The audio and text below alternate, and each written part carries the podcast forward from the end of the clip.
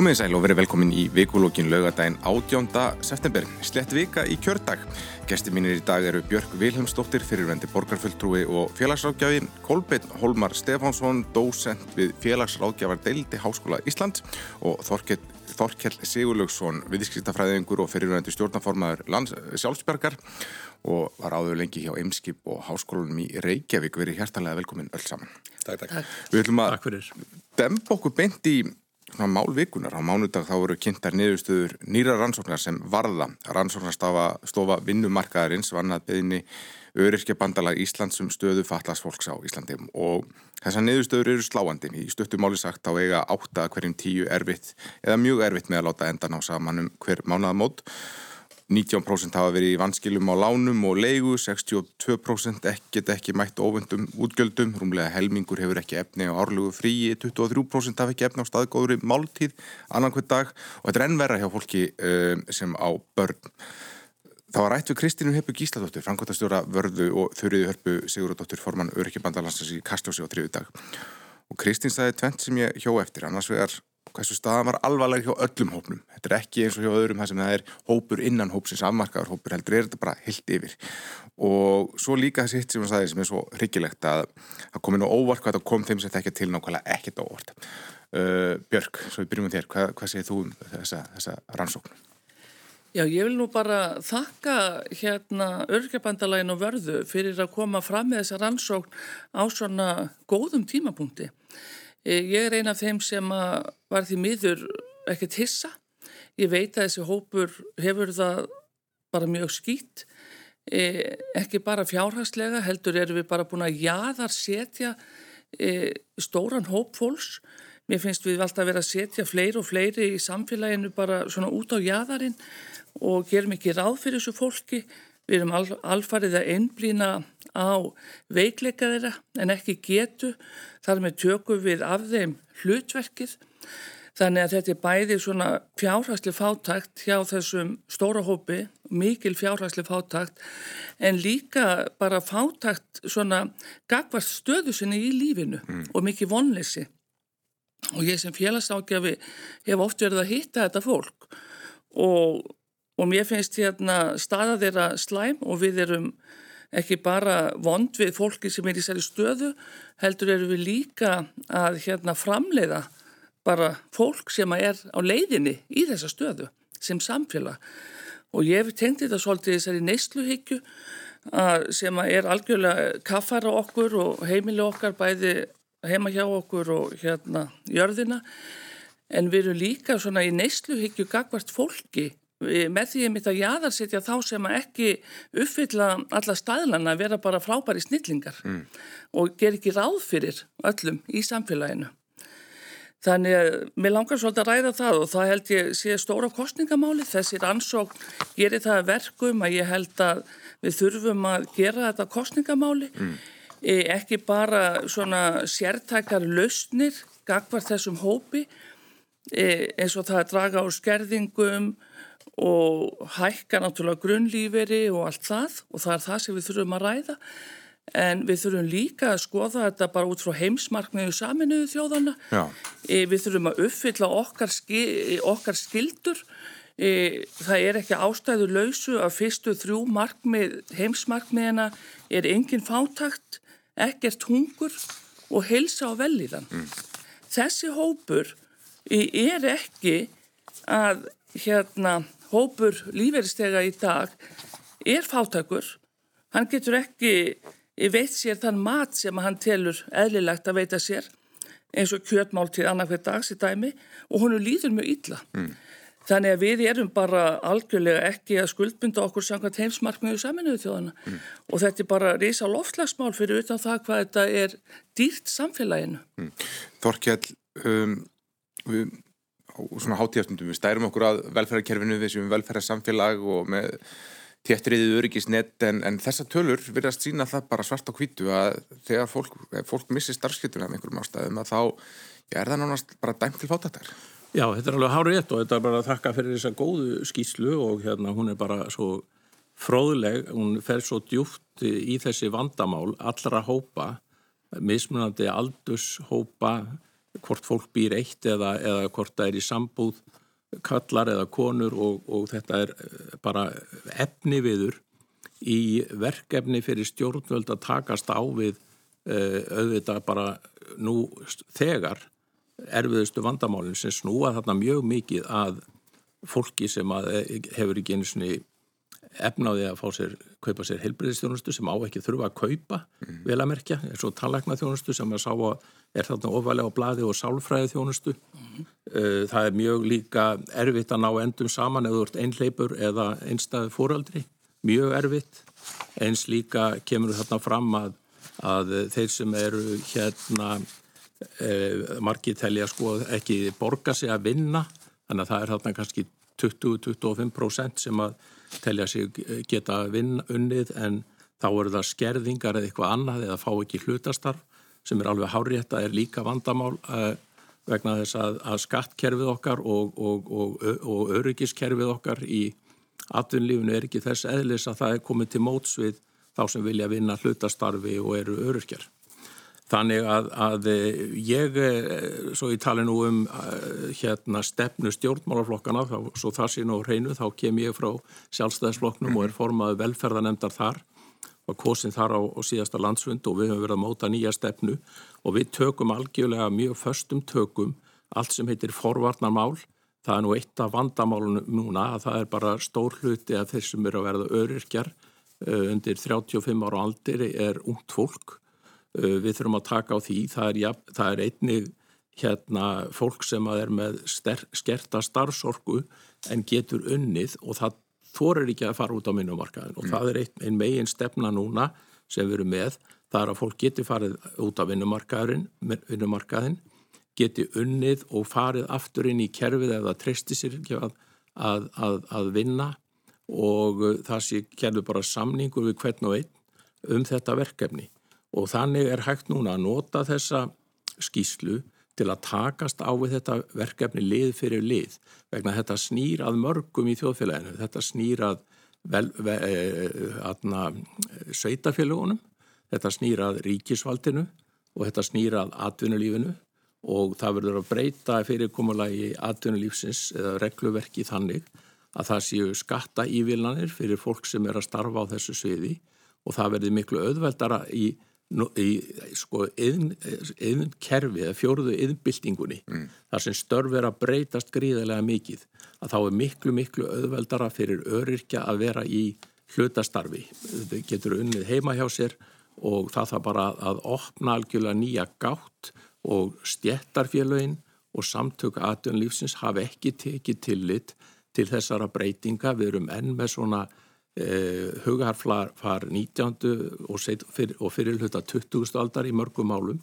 Erum ennþá með svona marsísk sjónamið stjættarfélagana og, og einhverja umræðu um, um frjálsíkju sem að, eða nýfrjálsíkju sem að engi veit hver er og veit ekki til að nokkur sé að bóða í dag.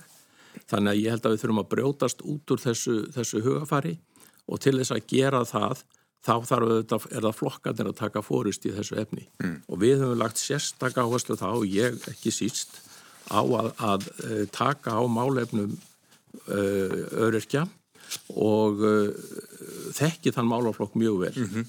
uh, þannig ég tek heilsundar heilsugar undir þessa skýslu og þetta er nú eitt af þeim málum við höfum ekki verið með heilbreyðisránandi eða velferðamálinn ekki velferðarmálinn síðan að Gunnar Tóretsen var, var hérna e, ráðherra 1974 eða svo. Þannig að það er komin tími til þess að taka e, þessi mál förstuntökum og, og nútíma væðaðu. Mm. Gjör bylta þessu kerfi tryggingana og gera þetta skiljanlegt, sínilegt, sangjart þannig að allir geti lifað sómasemlegu lífi. Við hefum ekki að búa til fátækta út úr, upp úr örurkjum það er nú nóg að glíma við samt og við séum ekki að fástu það. En að því þú kemur, svo segir Sælur, kemur úr sjálfstaflóknum og hann hefur nú verið við völd meiri hluta uh, bara síðustu aldar. Um, og ég meina yfirleitt haldið um, um veskið í, í ríkisfjármálunum, er þetta ekki einhver áfællistómur yfir, yfir Nei, það er, það er nú bara, sko, það má alveg segja það að, að sjálfstæðisflokkurinn er ekki og það er allir stjórnmáluflokkar sekir í þessu máli. Mm -hmm. Þannig að við erum ekki að klína þetta og þegar ég er að, að, ég er að tala um þetta þá er ég ekki að segja að sjálfstæðisflokkurinn sé uh, eða hafi verið með stefnu sem er í lægi. Þetta mótast aldrei af því að auðvitað hver stýrir velferðamálunum klárlega, hver er forgánsröðunin og hvernig samningar stjættarfélaga eru við atvinnureikundur og hvernig samningar eh, ríkisins er við, við, við sveitafélagin. Málefni fallara til dæmis eru flutt frá ríki til sveitafélaga og það kom ekki nægilegt fjármagn með þannig að það er ekkert að sinna þeirri þjónustu sem sveitafélagin þurfa að sinna og menn eru þarna að rýfast um þetta sama með e, þá sem eru eldri borgarar að þeir, þeir, þeir e, sveitafélagin vilja losna við og komaði með ná hjúgrunaheimili af því þar borgar ríkið, mm -hmm. ríkið vill ekki taka við þeim vegna þess að sveitafélagin eða sjá þeim og þetta er ástand sem er ekki hægt að eirnamerkja ykkurum einum stjórnmálaflokk. Þetta er bara einfallega mál sem verður að taka föstum tökum. Það gerist ekki öðruvísin en í samstarfi, öryrkja, atvinnureikanda og, og hagsmuna aðila vinnmarkaðis. Mm. Uh, Kolbjörn, þú hefur rannsakað þennan málaflokk lengi mm. og, og, og ert, við erum öllum hútum kunnuður að þetta, þessar tölur hafa vantarlega ekki komið þér neitt á orð. Nei, þær gerðu það ekki og, og kannski svo því sem líka til haldið þá er ég náttúrulega unnið skýslur fyrir örkjabandalagið og seti stjórnverðu þannig að ég það verður að koma fram en, en sem sagt uh, það sem ég kannski horfði aldrei á og ég tek undir það sem Þorkill er að segja er að, að þó mér finnist kannski stefna sjálfstæðarflokksins í málunum örki að aldrei hafa verið neitt sérstaklega til fyrirmyndar eh, þá er sjálfstæðarflokkurinn alls ekki einn ábyrgur fyrir þessu. Þetta er, það er umvært að segja að, að staðinu svona í dag, hún er á ábyrð allar þeirra ríkistjórn sem að, flokkar sem hafa sitið í ríkistjórn eh, frá og með hrunni. Eh, ef við horfum áttu til loka tíundartörins þá er settur inn þessi tvöfaldi lás inn í, í almandringakerfið. Mm.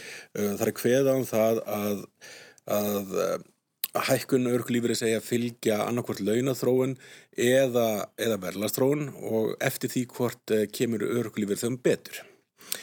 Um, það sem að hefur gerst er að eftir hrun þá hefur þessi lás ekki haldið uh, og staðinu í dag er þannig að það er mjög erfitt að sjá fyrir sér að það sé hægt að, að leiðir þetta kjör örkja með bara einu pennastrykið einni lögjöf. Þetta er orðið slíkt bíl sem hefur verið fengið að þróast. Mm. Um, það sem við ættum að gera er eins og aðra að byrja að borða fílinn í, í byttum og, og reyna að, að vera með það langtíma plan, einhvers konar viðtaka pólítiska sátt um það að við ætlum að, að rétta stöðu örkulífurstega á Íslandi og ég tek mjög undir þess sjónamið sem að, að hafa komið fram sem að er að við ætlum ekki bara að horfa þetta út frá sko, framfæsli í tryngakerfi. Eh, Hakkerfið og vinnumarkarinn er að breytast. Uh, fjöldi nýra starfa sem að, að raunveru fórsendur fyrir því að getur virkur á vinnumarkaði er að breytast. Uh, staðrindin líka svo að almennt séð vill fólk vinna. Atvinni þáttaka örygkulífur þegar Íslandi er til til að há þegar við skoðum okkur í öryggarsaminginu uh, að því að vinnan er líka miklu meira heldur en bara tekjur. Mm. vinnan er, er sjálfsmynd, hún er hlutverk hún gefur hversteginum struktúr alls konar svona hlutir. Uh, en við erum eins og með kerfi sem að festir fólki því að, að það bæði er lítill fjárhúslegur ávinningur að því að fara út á vinnumarkaðin og töluverð framfæslu áhætta ef það gengur ekki upp. Mm. Eh, þannig að við þurfum að horfa þetta mjög heildstætt, við þurfum að horfa bæði meira á getu einstaklinga eh, en við þurfum líka að horfa á vinnumarkaðin og gera vinnumarkaðin tilbúinir til að taka við fólki með skerta starfsketu mm. og það er, er stort verkefni og, og flókið því að skert starfsketu er svo ekki bara eitthvað eitt.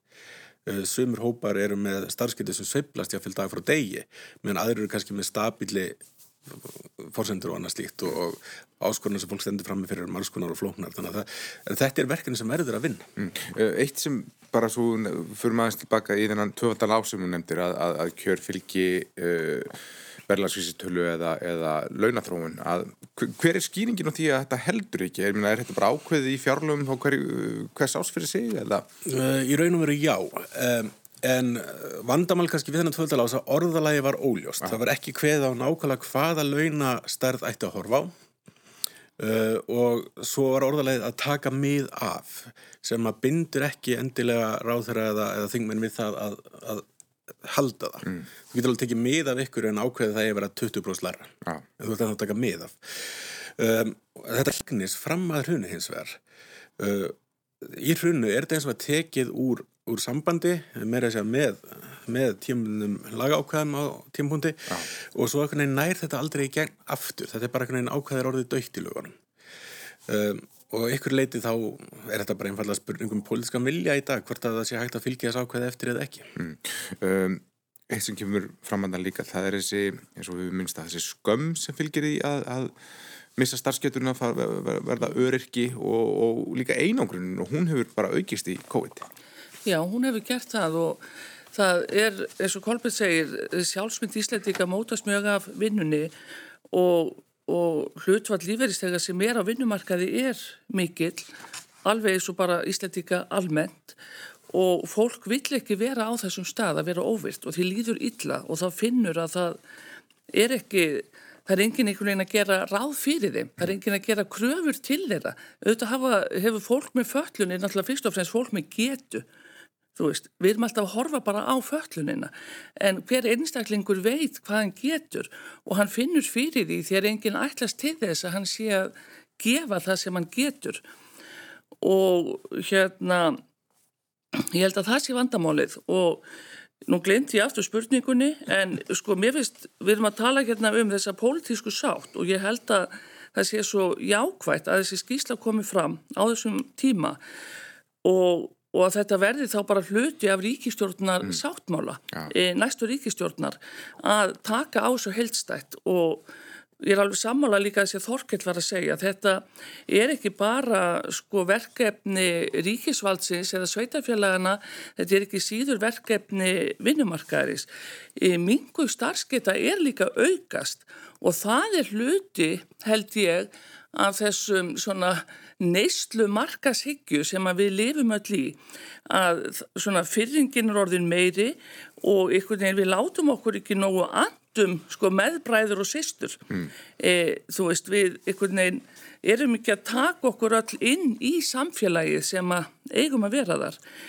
Þannig ég var ymitt þegar bara Þorgeit var að tala um skattakerfið ég held að við getum gert svo miklu meira. Og af því að fólk getur tekið þátt í hlutastörfum þá held ég að við ættum til dæmis að fara breyta því og ég var bara að hugsa það í gær að hverju getur við ekki lækkað tryggingagjald á öll hlutastörf? Mm. vegna þess að mjög margir vilja minga vinnuframlag sem að er í fullri vinnu mjög margir af þeim sem að er ekki vinnu vilja komast í hlutastörf. Og ég held að starfsgeta haldist frekar hjá þeim sem að eru í hlutastörfum að því að þá bara vinnum maður í samræmi við getu sína mm. þannig að ég held að það sé líka bara eitthvað sem við þurfum að gera en allar þessar niðurstöður ég gefa tilefni til þess að þetta verði bara fyrst í kapli í stjórnarsáttmála næstu ríkistjórnar. Mm. Þorkill, hvað um þennan Já. punkt með, með eh, bara vinnumarkaðin? Hversu uh, sveigjanlegur er hann til þess að taka við fólki? Er... Ég, ég, ég held að hann sé mjög sveigjanlegur og miklu meira sveigjanlegur en að var hérna áður fyrir. Við erum átt okkur á því svolítið að við erum að fara mjög rætt inn í nýtt samfélag. Við sjáum bara í, í vestlunum í dag, þá erum við fann að afgreða okkur sjálf Eh, við sjáum það byrtingamind breytinga á fjölmiðlamarkaði þar sem að allt í hennu bara auglýsingatekjur hverfa, þetta er allt komið til útlanda. Við sjáum breytingar í helbriðiskerfinu, tækni eh, framfarir þar í orkumálum og fleira. Og það er að verða alveg nýr sko atvinnu vegur, ef við getum orðaða svo, sem að byggir á hugviti og byggir á því að, að nota það. Og hugviti er eins og við vitum óþrjótandi og það er ekki og það er umhverfisvænt. Mm -hmm. og það getur skapa hagvöxt þannig að, að, að atvinnulífi getur auðveldlega aukið hagvöxt á þess að menga, það er að nýta það með, með skinsanlegum hætti og búið til hagvöxt vegna því að, not, því að nota okkar þekkingu til að bæta samfélagið og bæta heiminn. Uh, og það er tækifæri fyrir vendakerfið að takast á við það að sinna betur málefnum öryrkja og fallara og uh, þar með koma þeim inn á vinnumarka en fara í starfsgetu mat hreinlega miklu fyrr þegar þau eru í skóla og þegar þau eru í, í háskóla ef þau fara þangað. Og síðan er, hefur við verið að leggja áherslu á það að, að fara í samstarf með öryrkjabandaleginu um starfsgetu mat. Mm. og það hefur verið miskilið held ég og því meður ekki komist í gagnið vegna þess að starfsgetu matið er gert á að vera gert fyrir einstaklingin með því að finna út úr því hvað treystir þú þér til að gera, hvað er þú sterkur hárð á styrkleikana þína og svo framvegis en ekki veikleikana. Og, og síðan ferð þú á vinnumarkaðin og vinnur með e, hvort það eru stjættarfélög eða sjálfstæðfélög sem eru að vinna fyrir þennan hóp. Og, og, og vinnur og leitar að fyrirtækjum sem eru að leita fólki sem er með þessa styrkleika og getur unni við tildekinn störf. Og þá held ég að sé miklu stærri hópur sem vil vinna og ef við gerum samkómalega um að hann geti unnið og hann borga bara sína eðlilegu skatta og vonandi fær betri tekjur vegna þess að í þessu nýja hægkerfi 2001. aldar eiga að vera betri laun heldur en fyrir það að, að móka hérna í skurði eða eitthvað slíkt og þess vegna held ég að, að þetta tengis launamarkanum eða sem sagt vinnumarkanum mjög mikið og skattkerfinu, ég sammálað þessu með tryggingagjaldið þá til dæmis að velta því upp að það ekki að borga tryggingagjald vegna vinnu hérna öryrkja þar sem þetta er eitthvað skilgreynd eins þegar það eru mjög lítil fyrirtæki, sprótafyrirtæki sem er að ráða, ráða starfsfólk að það sé ekki hindrun að ráða starfsfólk og menn sé alltaf að ráða bara verktaka mm. til að spara sér launatengt gjöld. Þannig ég held að við erum að horfa á þjóðfélagið, verða að breytast, horfa á atvinnumarkaðin, öryrkja sem vinnuhóp. Ég hef nú stundum grínast með að við erum að tala um jafnbreytti kynjana jafnmarka konur og karla í stjórnum fyrirtækja en hvað með eldri borgar og öryrkja, er, við erum stór hópur, það er engin að tala um það að, að það sé að vera einn eldri borgar eða öryrki í, í skráðum félögum, mm. ég, er að, ég er nú að grínast en, mm. en það má alveg hugsa um það að þetta er hópur sem að er stór og ekki síst eldri borgararnir, þeir vilja líka vinna miklu lengur Já og við þurfum að nýta þetta vinnuafl þegar fram, fram í sækir þá vantar okkur Íslendinga fleiri vinnandi hendur mm. til að takast á öll þau tækifæri sem við höfum. Mm. Við erum land tækifæran ekki. Laumað einu slagur hérna inn í, inn í, inn í spjalli. Um, Kolbjörn, hann Þorkild kemur inn á þetta orð starfskiptumat sem hefur verið bitbein. Hvers vegna er það? Uh, það kannski liggur í því að þegar við skoðum reynslun ákveðanlandina starfskiptumati þá er árangunum sumstaðar góður og sumstaðar slæmur og líkil þátturinn í því er hversu vel undir, hversu vel vinnumarkarinn hefur undirbúin fyrir þetta. Mm. Uh, við getum það skoðað Breitland þar sem að afleðingarnar þeirra starfskiptumati og, og fleiri velferðar breytingum hafa verið það að setja fólk átt í þá stöðu að, að það þarf að standa að skila á ykkur sem það getur ekki stað að skila á því það er enginn sem villir á það í vinn mm. þannig að ef þetta, er, ef þetta er sett fram í tómarumu og stóra samingi er ekki skoðað, ef aðrar breytingar er ekki gerðar á samfélaginu, þá getur þetta leitt til mjög versnandi lífskjara og, og bara lífsferir fólki sem að, að fellir undir þetta mm. Uh, og það er svona kannski það sem ég hef lagt áherslu á er að það þurfu að horfa á þetta helst við getum ekki bara að horta starfskiptumatið uh, starfskiptumatið hugsun er í grundið að þetta er um góð hugsun. Uh, og ég held til dæmis að, að margir innan reyfingar innan ÖBI eru alls ekkert að móti starfskiptumatið á prinsipástæði, menn það er þessi ótti við það að þetta sé sett fram án þess að, að allt annað sé laga líka mm. þannig að við þurfum að horfa á það Uh, svo þurfum við kannski líka að horfa á hinlutina. Nú til dæmis hafa bæði Þorkill og Björn talað um unga fólkið og unga fólki fær tölverða aðtegli í umræðum örgulífurstega. En stærsti hlutin af fjölgunni sem hefur átt sér stað, sem ekki átt sér stað fram til 2017, þetta er hún aldrei staðið staðið síðan, uh, hefur verið að sagt, konur á miðjum aldri og eldri. Mm. Oft sem er að koma úr umbunnastörum sem er líkamlega og andlega erfið, oftu í, í, svona þjónustörum sem er svona kannski nýja verkamannastjett uh, og kannski við þurfum líka að horfa það að auðvitað viljum við fækka fólki með, með skerta starfsketu bæði viljum við nýta það starfsketu sem er til staðar en við viljum líka koma með fyrir að fólk missi starfsketu mm -hmm. uh, stundum finnst mann umræðans núst um það að ég, sko, það tala um að fækka örgjum en það sem er raunverulega verið að tala um er að fækka örgu lífeyristegum það þarf einhvern veginn að mm -hmm. passa það mm -hmm. en ef við horfum á þetta bara raunsa þá er þannig eitthvað í lífslöpi þessara kvenna sem að veldu því, það eru störfin, það er álægi engalífinu, það er ójörn verskiptingu á heimilum, það er alls konar hlut sem spila hana saman. Uh, áfallast að kvennar ansvonarinn getur varpa ljósa þetta til dæmis uh, og ímislegt fleira sem geta verkum að þannig er eitthvað sem hættir að grýpa inn í. Mm. og við getum reynda að, að breyta þessum þáttum þannig að færri einstaklingar missi starfskiptuna uh, en svo er það líka kannski annaðrið sem þurfum að horfa í, við erum með í dag nokkuð upplugt starfsendræðingakerfi en móti kemur að frum endurhæfingin á Íslandi, hún er undir fjármagnuð og oft þarf fólk til að vera frum endurhæfingu til dæmis eftir slís eða helsumessi áður maður getur raunverulega farið í starfsendurhæfingu. Mm. Þannig að það er eitthvað sem þarf að efla líka. Mm. Þegar þú segir að, að fjölgunin sé mest sjá konum, miðaldra konum í, í þessari stöðu, er þetta það sem má kalla varanleg örorka eða er þetta tímabundið ástandið svo eftir kulun þegar fólk er síðan að, að, að getur náðu orku aftur? Þetta virðist að stærstu hlut að vera varanleg örorka og þegar fólk er komið inn á örorku líferi Já. þá er þetta aldrei endastuð oft hjá fólki. Já. Því að í dag þá ferðu við ekki sko, inn á örorku líferi fyrir að endurhæfingu verið fullreind. Mm. Um, svo er það kannski annan mál að maður velti fyrir sér hvort að allir sem að endaurkulegur hefði þurft að enda þar. Mm. Stundum er það bara þannig að þetta er eina úrræði sem er eftir eða sem er í bóði að því við höfum bara ekki nóg frambóð af öðrum úrræðin sem getur hjálpa fólki. Mm. Eitt af því sem er hefur tekið eftir og skinjaði gegnum áriðin bara þegar, þegar um, öryrkjar og, og, og að málarflokku byrja á góma í stjórnmálunum eru áhyggjur stjórnmálumanna að þetta sé að fara á böndunum. Þessi, þessi að fjölga svo hrætt og málaflokkurum munir bara blás út og við ráðum ekki við þetta. Um, Já, svo ég haldi þér aðeins á línunum Kolbjörn, er, er þetta rétt? Sko, fjölgurinn hefur verið mjög ofmetinn. Svona um helmingurnáðinni skýrir svona fyrst og fremst af sko líðfræðilegum breytingum að þjóðan er að eldast og með vaksand aldrei að aukast líkunar á, á örorku. Uh, en enga síður hefur verið fjölgun sem allavega svona fram til 2017 og þetta er þetta eitthvað, þetta er, þetta er mögulega stór útgjaldaliður okkar sem þarf að, að horfa í. En kannski hvernig við talað um þetta hefur oft verið kannski ekki heppilegt. Það að tala um þetta út frá sko eitthvað svona, svona kvatakerfi að það sé svo fristandi að fara á örgulíferi. Mm. Ég held að, að skýrsla vörðu sínum það svart á kvítu og það er ekki hættan sem við stöndum frammið fyrir.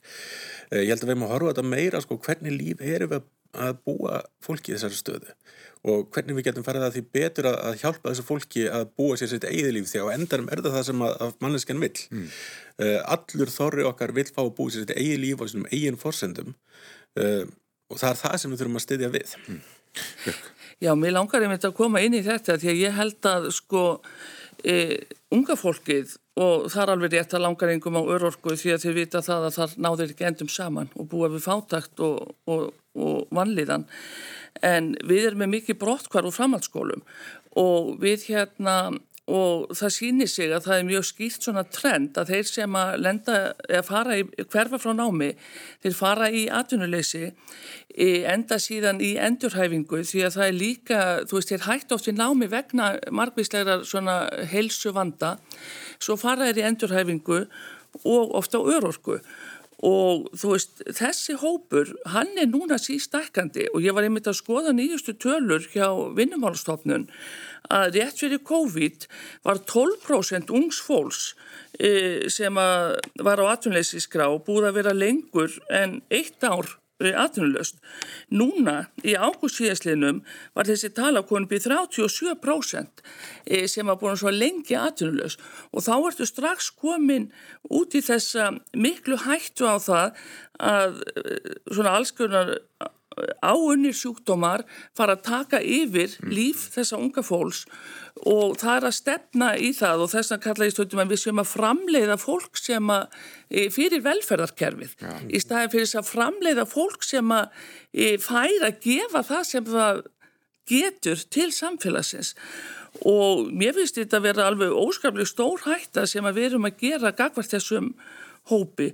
Og það hefur verið fjölgun ungsfólks vegna þess að starfskeita þeirra hún hefur sko mingað smá saman með langtíma óvirkni þar sem að þau fá ekki tækifæri til þess að vinna, fara aftur í nám og það er enginn sem að gera ráð fyrir þeim og þú veist við getum svo öll sett okkur í þessi spór e, hverslas e, vonleysi það er að það er enginn sem að ætlas til neins af mér. Mm. og svo eru við sem að oft erum á vinnumarkaði einhvern veginn yfir hlaðin og fáum ekki. Og ég til dæmis bend á það einmitt í þætti um sjálfvirkniværingu því að þessi hópur sem er óvirkur hann er ekki að ebla farni sína á sama hátt á þeir sem er á vinnumarkaði og í námi og af hverju erum við ekki að bjóða til dæmis öllu listafólki e, aðstóðamenn, e, ungt aturulöst fólk? Bara þannig að allt skapandi fólk í samfélaginu fái með sér aðstofa fólk því að þetta unga fólk það þarf ofta að kynna sér svona skapandi lausnir. Og þú veist hvað er meiri skapandi hugsun ennum til listafólki? Mm. þannig að mér finnst að við þurfum líka að hugsa svolítið út fyrir ramman og veita þessu unga fólki tækifæri og öllum þeim sem eru einhvern veginn að kaffarast á vinnumarkaði og enda í kulnun mm. og ég vil byrja á því að já, all listafólk fái aðstóðamann af eru um, Ef þið voru að koma viðtækjanum til að hlusta á vikulógin, gæsti mínir eru Björg Vilhelmsdóttir, Kolbjörn Stefansson og Þorkell Sigurljusson.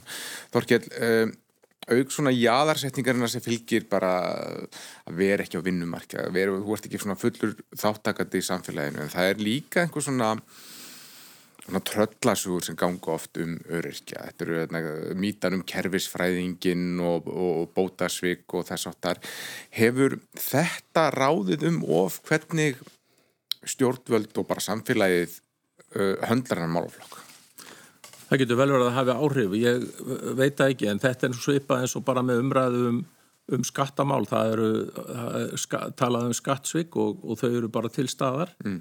uh, en þau eru nú ekki að dómin er allt þjóðfélagið, það eru eflust til ykkurir sem að eru kervisfræðingar að þessu leiti en ég held að það sé eitthvað sem er, skiptir engum máli og er algjör undatekning, uh, það sem að skiptir máli í þessu var hana, sem Björk var að nefna til dæmis það er þetta með forvarnindar og grípa unga fólkið. Við höfum áhyggjur af strákum í dag sem eh, eru ekki að koma, komast einu sinni út úr písakönnunum, er ekki að koma inn í háskólana eða, eða, eða inn í tæknigeiran, tækniháskólin, tækniskólin var, var mjög góður og var verið að eblan en síðan bara þegar áreinir þá eru 700 mann, sem, 700 nema sem komast ekki inn.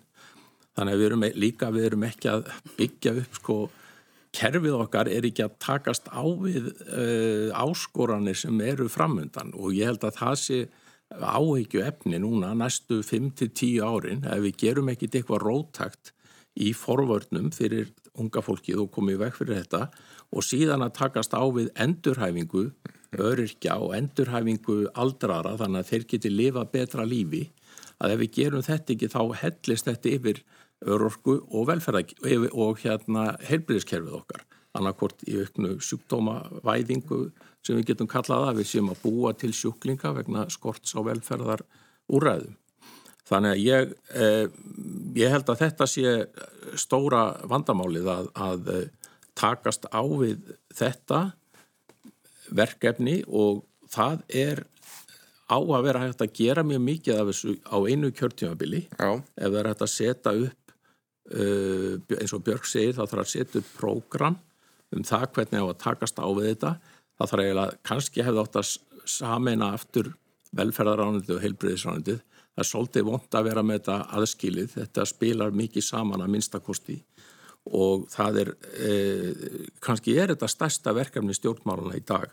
Auðvitað eru stór áhersla í lofslagsmálum og umhverfismálum. Það er algjörlega líkil atriði Eh, en, en síðan eru þetta, þetta mál sem að tengi saman atvinnumálinn tengt uh, uppbyggingu eh, okkar hagkerfist í næstu ára ára og tjóða og hvernig við ætlum að takast á við þetta mm. og þar með uh, launakerfi og umbunakerfi og starfsgetu kerfi þannig að við virkjum alla, getum virkjaðila alla, það geta allir unnið. Já, ég heyr að þú, þú vilt alltaf um, nálgast þetta ekki bara frá sko málaflokki uh, bara öryrkja heldur tengið þetta bara yfir í, í, í aðra greina samfélags Já þetta tengist mentakerfunu mm -hmm. klárlega erum við, erum við þurfum að passa okkur mjög í, í mentamálum uh, að, að, að vanrækja það ekki við þurfum nú sko við þurfum bara eiga fleiri börn það nú eitt en Já. við þurfum líka að passa vel upp á það að fjárfesta í börnum mm. þetta er fjárfesting hjá okkur að, að, að börn fái góða umönnun, uppeldi, eh, búi ekki við fátakt, fái hérna góða mentun og, og nýti þar þau eh, starfstækifæri sem, sem þau hafa eins og kynna miklu fyrr, það er nú bara eitt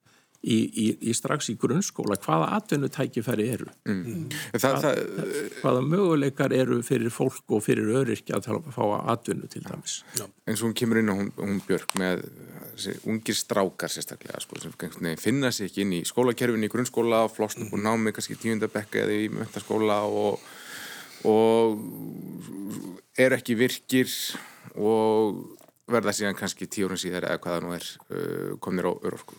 Er, er, er þetta vaksandi vandamál? Um, ég held að við sjáum allavega vísbendingar í kring COVID að þetta er eitthvað sem við þurfum að hafa áhugir af. Ég hef reynd að tala um að þetta sé ofmetið áhugina af þessu. Okay. Vorum kannski til að gefa nasasjón að Rannsson sér að vinna fyrir velfættavaktina. Það sér að, að skoða samengi brottfalls við félagslegan og efnarslan bakgrunn fólks. Uh, þá eru aðra stærðir sem að, að er að vega þingraldur en kyn.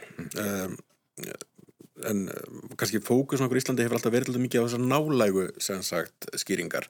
Hversu mikið áhuga fóreldra sína námi bannana sinna og hversu mikið er í sambandi við skólan og við og bannalli skólan og svona.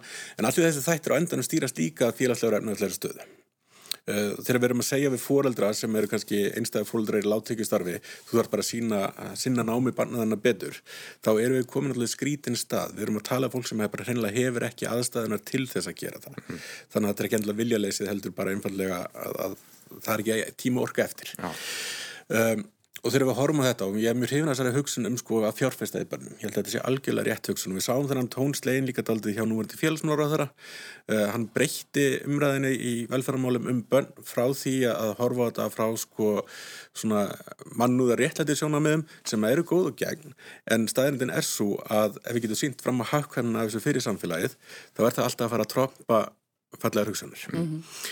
Um, og við getum útvært þessa hugsun um að fjárfesta í fólki miklu víðar. Við getum hugsað um það að við ætlum að endur skoða það hvernig við, við uh, tökumst á við málunni fólk með skerta starfsketu út af því við erum að fjárfesta í fólki. Mm. við erum ekki bara að vera góð við fólk því að, að, að það er bátt það er bara niðurlægandi Þannig að við eigum að, held ég að hugsa kannski velferðarmálinn almennt þannig hátt.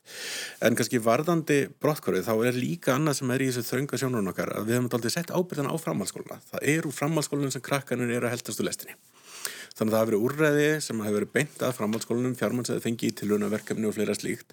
En vandamálið byrja miklu fyrr. Mm. Vandamálið fær að þróast í grunnskólanum nær aftur í fjölskyldaðastæðunar sem að, að byrja strax í fæðingu. Og við þurfum að horfa þessar þætti líka alltaf heilstætt. Eh, að ofti fólk að koma brotið út úr grunnskólakerfunu af því að stærndin er svo að þrátt fyrir margt mjög gott í grunnskólakerfunu okkar þá eru krakkar stundum að upplifa ákveðna mismunum þeir, þeir finnst eins og að þau séu vonlus og, og þetta er bara, bara mjög stórt verkan sem eitt af þessum hlutum sem það þarf að horfa á þetta eitthvað heilstætt og ná svona samfélagslegur samstöðum mm.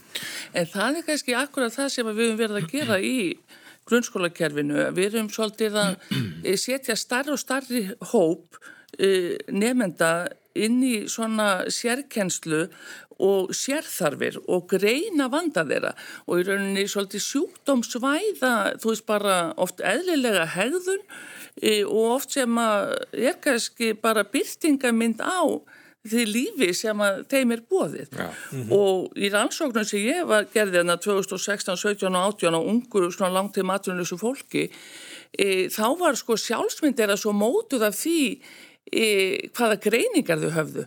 Þau svo alltaf, já ég er svo kvíðin og ég er svo rosa mikið aðti háti og þú veist, og allt einhvern veginn mótaðist af því af því að það hafði enginn einhvern veginn e, verið að benda á styrkleika þeirra. Mm -hmm. og mér finnst þessi sjúkdómsvæðing verið að hluta þessari svona neysluhyggju. Og þú veist og þau uppfyll ekki einhvern veginn staðlana. Og við erum svolítið að meðfundla bara fólki svo grænmeti. Það kaupir enginn sko beiklaða gullrót hún verður að passa í þú veist plastumbúðirnar.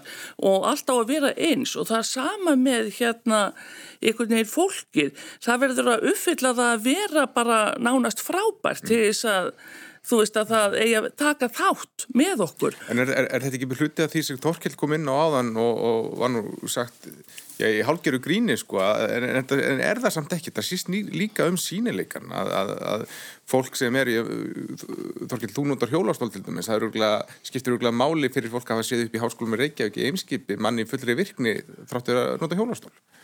Já, já, það, er ekki tröfla mig og, og, og hérna og uh, sem betur fyrir þetta kannski bara svona dæmið um það en það er nú ekki samt margir í þeirri stöðu sem að hafa uh, fengið góða mentun og uh, ekki orði fyrir alvarlegu slísi heldur um, þurft að kljástu þetta af öðrum ástæðum smátt og smátt og, uh, og geta aðlaga sig og haft vinnuveitenda sem að vinnuveitendur sem að mm. hafa tekið tillit til þess og ég held að háskólinn í Reykjavík njóti þess nú og ég held að sé að, lang aðgengast í háskóli uh, á Íslandi ef ekki í, í Evrópu.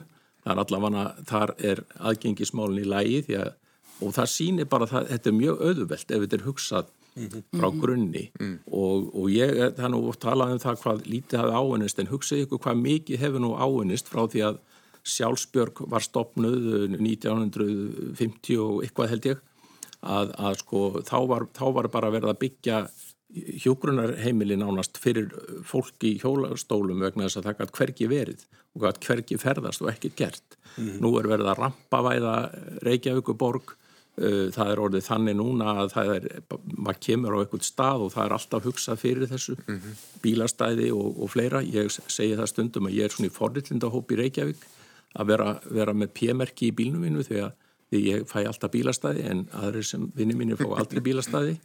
En það er nú annar mál en það, það er bara sínir samt hvað er gert mikið fyrir þennan hóp og við verðum að vera þakklátt fyrir það.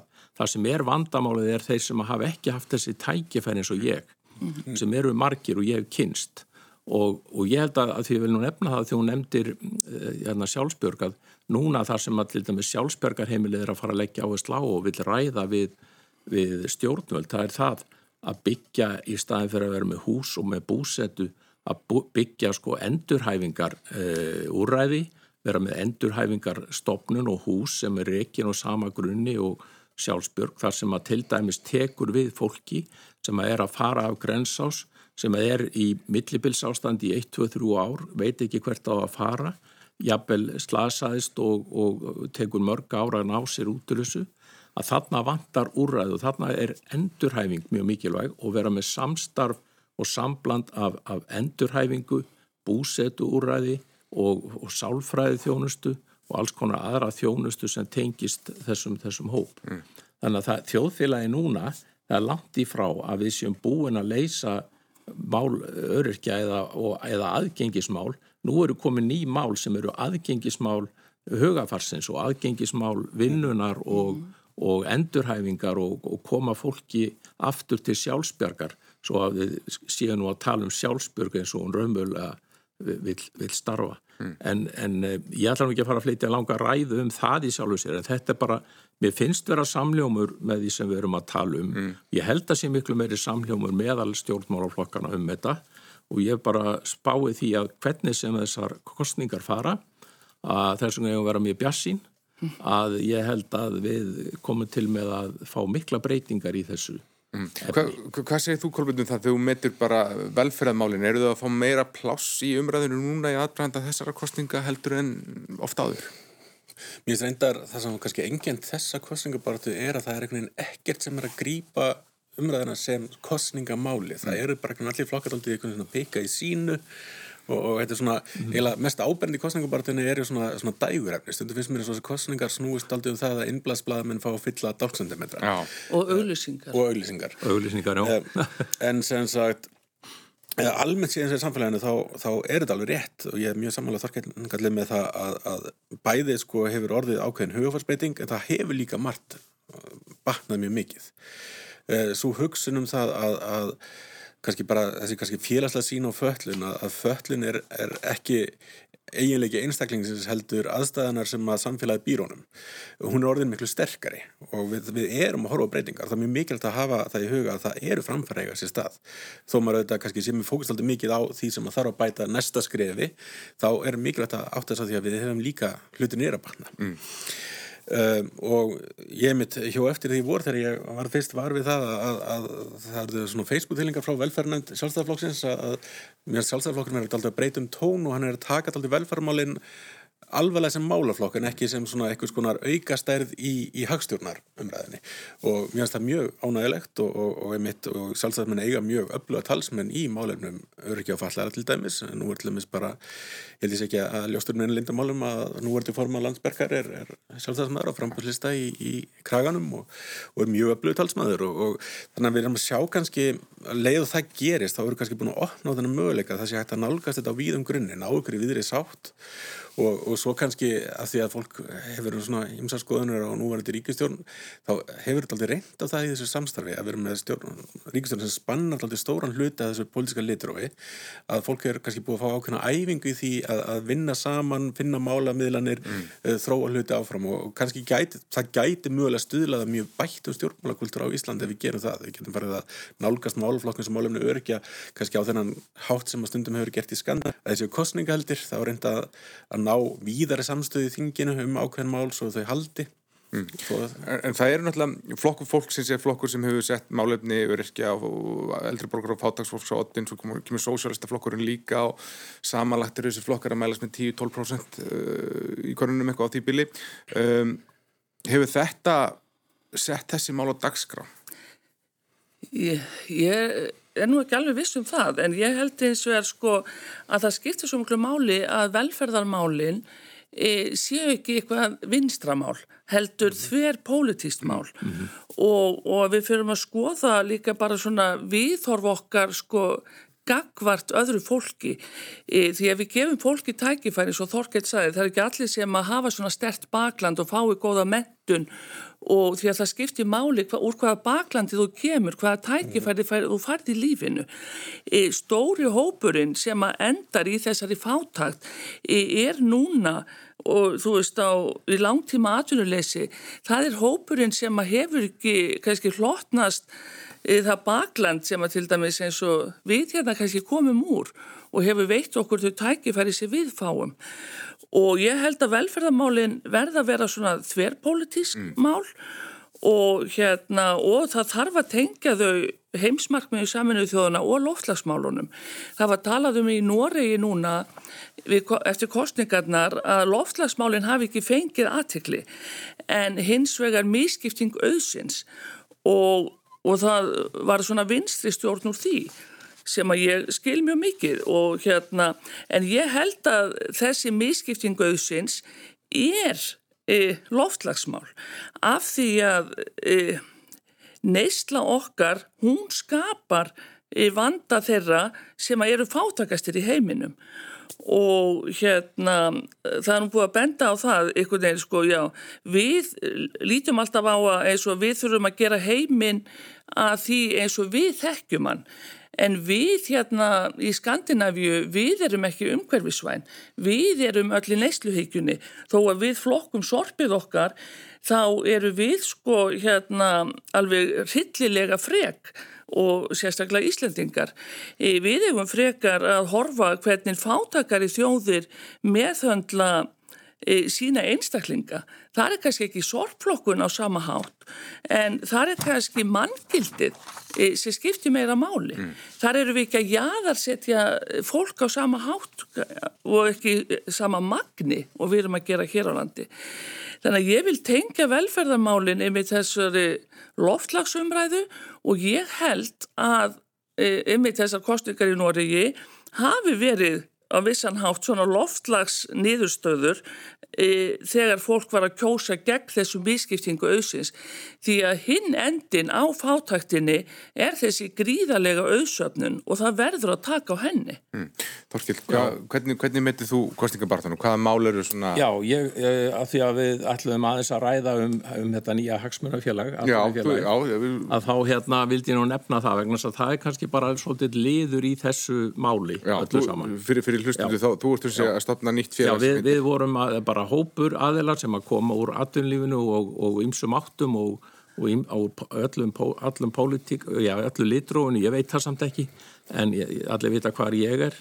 Uh, og það er hérna þannig að við teljum núna að við þurfum að takast á við þessar breytingar næstu áratuga að til dæmis lítil og meðalstór fyrirtæki, ekki síst lítil fyrirtæki og þau eru með gríðarlega mik mikla nýsköpun og þau eru liður í því að breyta þessu samfélagi svolítið mikið e, í nýjar atvinnugreinar, það eru að koma bara nýjar atvinnugreinar sem eru ekki óreinar ef við getum mhm. orðað svo og það er að breyta samfélaginu úr þessu gamla 20. aldar samfélagi og það held ég að menn vilji þá líka breyta sko þessu launa og baráttukerfi innum, innum, innumarkaris og það sem við erum að berjast fyrir líka er einfaldar og sangjarnana regluverk og taka mið af stærð fyrirtækja í, í, í rekstri. Alveg eins og við tökum mið af stærð einstaklinga eða verðmætt hvað, er, hvað ertu ríkur mm -hmm. uh, þá borgaru meiri skatta en ef þú ert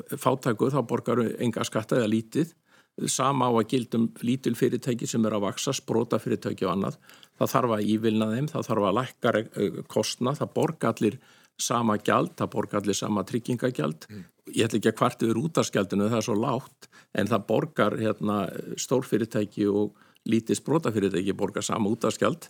Ég menna það er bara svona kannski það lágt að það skiptir ekki máli, en þetta gildir svo víða. Já. Og þess vegna þarf að takast á við það. Síðan eru fjármagskostnaður allt og hár líka.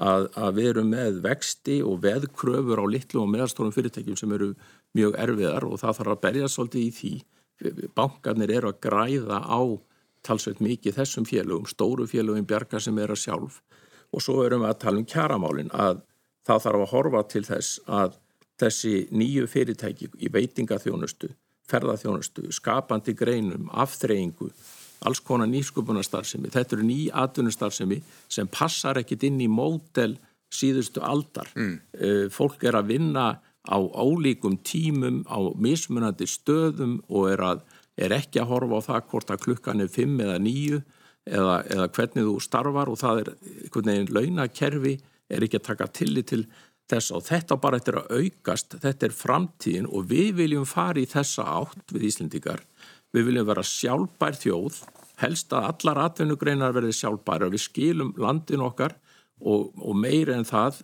betri, betra heldur en við tókum við í mm -hmm. og þannig getum við orðið, orðið, orðið til fyrirmyndar. Það, til þess þurfum við líka að vera til fyrirmyndar í, í kjaramálum. Ekki að vera með einhverja turna sem að heita stjættarfélug sem hafa nú breytsóldið úr því að vera stjættarfélug og fara meira að vera svona flokkspolítíksk félug og síðan samtök ímis í atvinnlífunu sem að sem að eðlilega horfa mest á stóru myndina Já, þið, þið... og þetta, þetta viljum við gæta og við viljum vinna með öllum, við erum ekki sett upp gegn einum og svo bara reynir á það hvernig áhugir þessara fyrirtæki er að taka þátt í þessu. En þið eru, um, þið viljum komast að kjara samningsborðinu? Já, það er ekki forsenda, það er eitt af því sem menn geta ráðið eða komið inn hvort þeir vilja það, Já. en við teljum alveg að það sé allavega eðlert að hafa sæti við það borð. Ég veit að ASI vill það ekki. Þeir sögðu nei, nei, nei, nei. Þeir vilja bara hafa einn við sem anda samtök aðtunlýsins. Samtök aðtunlýsins vill eflaust hafa það líka. En erum við ekki líka, þurfum við ekki líka að horfa til þess að, að svona einhver önnu sjónamið kom inn. Þannig að ég held að það sé svona áhugavert. En fyrst og fremst er þetta regluverkið og aðgangur á fjármagnu og skapa þessum litl og meðalstóru fyrirtækjum sem er 70% af vinnuaflinu mm -hmm. sem er 70% af þessum fyrirtækjum hafa áhuga á stopnu svona fyrirtæki, svona eh, samtaka þér þá þessara þá, þá, þá finnst mér að þessi aðna, þöggli meiri hluti Já. þurfa að fá meiri rödd finnst þér bara hagsmuna hans og, og sjóna með ekki gætt nægilega sko, gætt innan samtaka aðanlýs ég held að þessu sé sint mjög vel eins og með samtökuð innan þessu fyrirtæki sinna þessu mjög vel en eðlilega þá er, verður annar fókus ef þú horfir bara á lítil og meðalstór og ert bara að vinna fyrir þau. Tökum bara sjávarútveginn sinn dæmi. Mm -hmm. allar þessar atvinnugreina stóru það er oft voðalega mikið alltaf einblíkt á eitthvað fjö, fimm félög í vestlun og þjónustu. Það er einhverjir stórir heilsalar sem eru jafnvel orðnir í fyrirtæki sem eru orðnir í eigu einhverja stóra fyrirtækja. Og að þessi fyrirtæki í stór fyrirtæki Þannig að bara til þess að tryggja samkeppnishæfni og, og, og samkeppni í þjóðfélaginu og, og uh, svona jafna aðstöðu, þá þarf held ég aðeins að leiðri þetta þennan svona halla sem hefur komið og hjálpa nýsköpun. Nýsköpun er ekki bara orð, mm. þetta er bara framtíðar, all, all framtíð okkar, hvort sem það er í lofslagsmálum eða öðrum málum snýst um nýsköpun og fara nýja leiðir og gera hluti öðruvísi og sjálfbæra í þjóðfélaginu. Mm. Kolbeinn, eitt af því sem hefur skattaumræða, hún hefur verið meiri í þessum, þessari kostningaumræðu heldur, heldur en oft. Hún hefur verið það, um, samt ekkert mjög ábyrgandi en, en það hefur verið lögð áhersla á bæði náttúrulega þessar skattgjörnsbeitingar sem átt sér stað á þessu kvartíðanbili og, og svo svona kannski Stóreignar skattur svona alltaf Stóran skattin hefur komið upp. Uh, Svo umræða erður nú alltaf alltaf skrítin. Ég, ég skil mjög vel þegar fólk uh, bregst svona við dæminu um, um ekkuna í, í 200 miljón grunna húsinu. Uh, Þetta er svona óheflegt dæmi til að taka því að það er svo sjálfgeft Ég, ég ætla ekki ef það, kannski er ykkur ekki það núti sem að en, en sennilega er ekki mikið fleiri en svo eina þannig að hérna Uh, ég held að það sé kannski að lifta þeirri umræðu á kannski einhvern veginn svona vitræna plan. Ég held að það séu raunverulegir og eðlegir hagsmunir begja meginn borðs í þessar umræðu mm. uh, og þess vegna mér þessi umræða verður aldrei frumstæð. Uh, þannig að við þurfum einhvern veginn kannski að átt okkur á stærra samhenginu. Uh, ég held kannski, ég var á erindi í gær sem að Sigurinn Ólafsdóttur í Jóngunar Bernburg, prófessor í félagsæði Háskóli Íslands voru að kynna nýja rannsóðanniðstur á viðhorfum fólks til ójefnaðar. Já. Uh, og það er kannski tvent sem að, að maður sem tók upp út úr því er annars vegar kannski að viðhorfin fólk vil meir jöfnuð en Ísland er samt eitt af jafnæri samfélagin sem finnur í heiminum í dag. Og ég held kannski að sé tventi þessu, það eru þessi lífskjör þessara vestsettuhópa sem að, að er að, að kveikja þessi fólki og svo er það kannski lítill hópur sem að fólki finnst vera með, með laun sem er úr öllu eðlu samingi við samfélagið. Mm. Mm. Ég held að þetta sé alltaf stóri postar uh, og svo mögulega líka kannski það að við sáum það að eldri kynnslóðin, hún er áhuga samar um jöfnuð heldur en, en yngri kynnslóðinar og við sáum alltaf að jöfnuð aukast með mikið á útráðstímanum og eftir hrun þá jöfnaðist þetta aftur og hefur verið nokkuð stöðt síðan, svona samkvæmt flestum mælingum en aldrei er samt neitt lægra heldur en það sem var rétt fyrir hrun. Rétt fyrir útræðsuna mm. og fyrir fólk sem að sko mann tíundar á tvinn þá mann það mun jafnara samfélag mm. þannig að það er líka mikilvægur vinkil í þessu en, en ég held sko við samingi við skattamálinn þá, þá er það kannski fyrst og fremst þessi þætti sem er að spila og ég er ekkert endilega vissum að skattar verði rosalega stór hluti af þessu þetta er aldrei þannig að, að hægrið er ennþá að spila út á frekar svona yfirborskemdan hátt skattalækun á spilinu sínu sem þau hafa gert bara mjög samkvæm sjálfur sér kostningar til kostningar og, og vinstri er aldrei núna allt í þennan að hamra því að skatta hækkanir er ekki lengur einhver einn svona tap í maðurni en þetta er ekki, þetta er engin dýft í þessu Ég komist í miður ekki lengra ég get ekki eins og spurt ykkur hvað þið viljið segja gera Jó, En, en tröst og eining til þess að það verði tröst og eining í samfélaginu mm. þá getum við ekki skilið alla þessa líferistega og öryrkja eftir og við verðum líka að mm. taka á auðsöfnun. Það mm. verður ekki tröst og eining og öðru sig Já, já það er, þarf að gera það en ég vildi bara fá að segja í lokin að ég þarf að þakka eiginkoninni náttúrulega fyrir það að ef án hennar væri ég ekki fyrir stöðu sem ég er í dag í atvinnulífinu og fjölskyldinu og ég er að fara um helgin að verða að skýra hérna uh, sjöfunda badnabadnætt þannig að ég bara ætla að gera það um helgina. Innilega til hafingi með það. Kæra þakki fyrir komin að Þorkell Sigurlausson, Kolbjörn Stefánsson og Björg Vilhelmsdóttir. Hafa það gott um helgina. Takk